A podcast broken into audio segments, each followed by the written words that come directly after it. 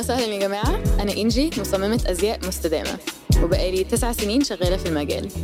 في البودكاست ده هنتكلم عن الأزياء المستدامة وعن مسؤولية كل شخص في المجتمع في استهلاكه. في الحلقة دي هنتكلم عن القطن. هندخل في مواضيع تاريخية والسياسية وحقوق إنسان. هتعجبكم؟ فخليكم معايا. أنا مرة كنت مسافرة في النمسا. أجازة يعني. ولما دخلت أوضة الهوتيل لقيت محطوط الكارت ده. عارفين لما بيبقوا عايزين يتمنظروا بحاجة؟ فكانوا حاطين على السرير الكارت الأخضر اللي بيقول إن الملاية معمولة من قطن مصري فاخر. اتغزل واتنسج في إيطاليا وبعدين الملاية اتصنعت في النمسا. وده تقريبا هو تاريخ القطن باختصار. بس خلاص خلصنا. هي دي الحلقة النهاردة. bye. لا بهزر ما تمشوش. بس بجد خلينا نتكلم في حكاية القطن. فيها تفاصيل كتيرة هحاول أشرحها بطريقة مبسطة عشان نفهم الدور اللي بيلعبه التاريخ والسياسة في الصناعات الحديثة. في كذا مشكلة هنتكلم عنهم. الأولى خلينا نبدأ في مصر. كان يا مكان في يوم من الأيام مصر احتكرت صناعة القطن في العالم واشتهر القطن المصري بأعلى معيار للقطن في العالم. الكلام ده أيام الملكة فيكتوريا يعني في القرن التسعة عشر هنمشي قرنين لقدام لحد دلوقتي القرن الواحد وعشرين والناس لسه لما بتفكر في القطن المصري بيفكروا في الفخامة والمتانة. كلكم أكيد عارفين المعلومة دي بس خلينا ندقق أكتر في ليه القطن المصري عنده السمعة دي. القطن المصري معروف بأنه ناعم جدا وفعلا من أنعم أنواع القطن. ممكن تكونوا سمعتوا الكلمة دي قبل كده بس هو معروف بأنه طويل التيلة. ده معناه إنه لما بيقطفوا المحاصيل بيطلع معاهم كرة قطن كده ولما بيفردوا الكرة دي بيطلع طولها حوالي 35 ملي لو قارنا طول الألياف دي بمحاصيل الدول التانية هنلاحظ غالباً طوله بيبقى حوالي 27 ملي فده فرق كبير وبيأثر في درجة النعومة. بعد كده بيتاخد للغزل والنسيج. وعشان القطن طويل بعد ما بيتنسج وبيبقى قماش غالبا مش بيحبب بسهولة بعد الغسيل وبيفضل ناعم لفترة أطول. كتير من الشركات والمصانع اللي بتصنع المنتجات الفخمة من القطن المصري زي إرماز وكريستيان ديور بتقدروا وبتحطوا في مقام عالي جدا لدرجة إنهم خايفين يخسروا القطن المصري لأنهم عارفين إنه هيكون شبه مستحيل حد يطلع حصاد زيه. على الرغم إنه مصر مش البلد الوحيدة اللي بتصدر قطن من جودة عالية بس هم بيمثلوا نسبة كبيرة من القطن اللي بيستخدم في المنتجات الفخمة بالذات. محصول القطن المصري الخام غالي جدا. في نوع اسمه جيزة 86 بيتباع بأكتر من دولار لكمية أقل من نص كيلو. وحسب تقرير أصدرته شركة Cotlook Limited واحدة من أكبر الشركات الأمريكية من ناحية تصدير القطن بتقارن فيه جميع الأنواع حسب الجهات المصدرة للقطن. على سبيل المثال أوزبكستان وحتى ال Pima cotton من بيرو وده بالذات قطن من جودة عالية جدا واتضح إنها بتتباع بسعر أقل من 30% من القطن المصري.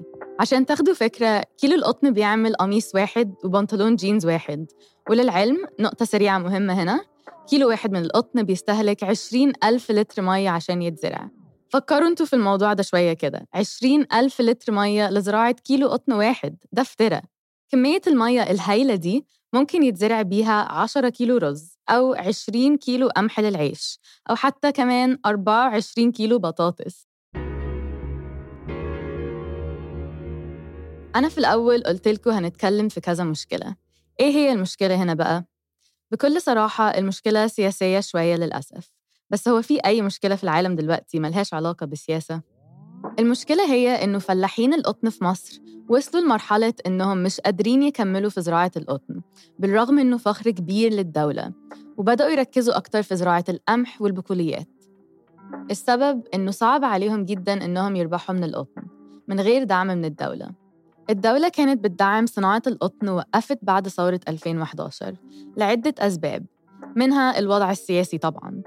اللي أدى للمزارعين في مصر تجاهل دراسات أكدت إنه أفضل نباتات القطن هي عبارة عن مزيج بين أنواع مختلفة ولازم تتزرع بطريقة معينة مع ترك مسافات عزل في الزراعة.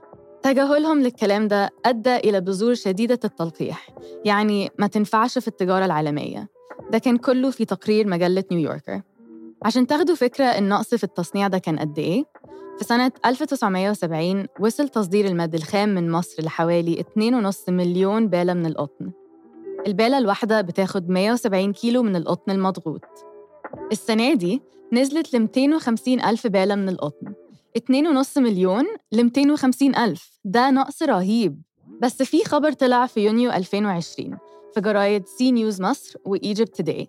وكام جورنان تاني؟ إن الحكومة عايزين يرجعوا إنتاج القطن والغزل والنسيج في مصر لمستوى عالي تاني.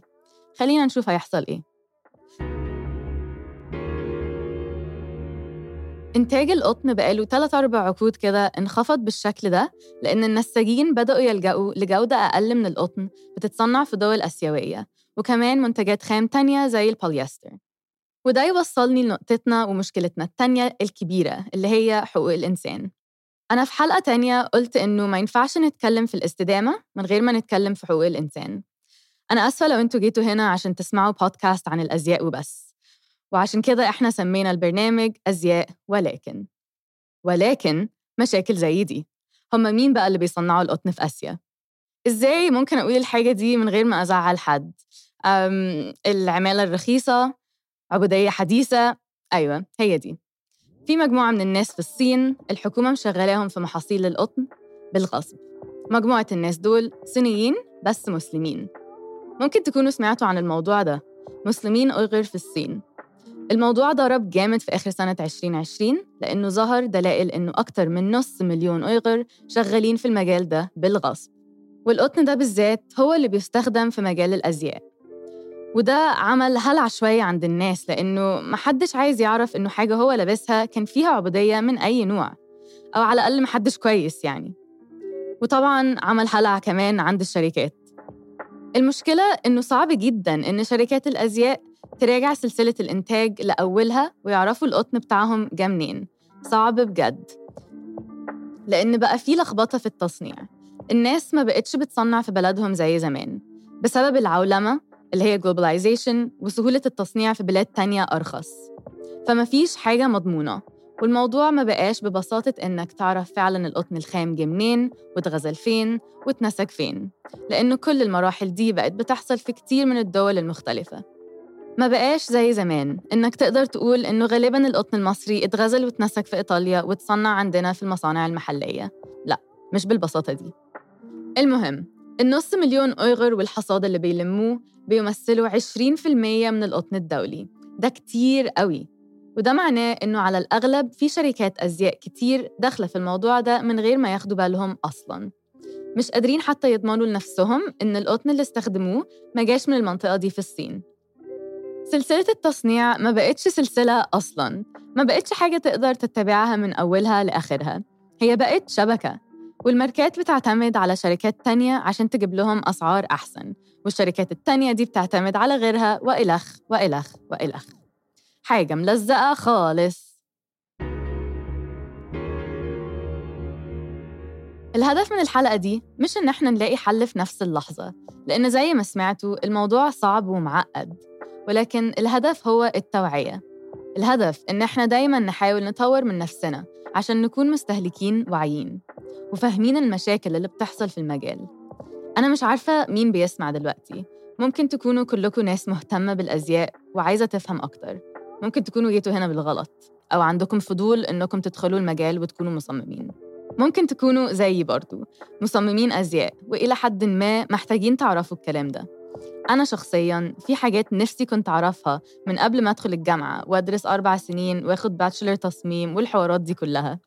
الناس كانت بتقولي إنه مجال صعب من ناحية البزنس بس نفسي حد كان يقولي قد إيه هو صعب على الضمير وكمية الصراعات النفسية اللي هدخل فيها كل ما أقرر أصنع حاجة.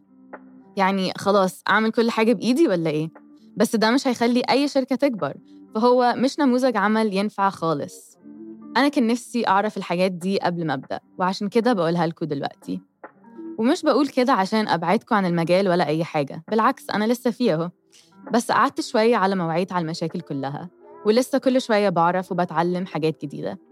بس بقول لكم عشان تبقوا مستعدين نفسياً وما يجيلكوش صدمة وأهم من كده تدخلوا وأنتم مستعدين تغيروا المجال.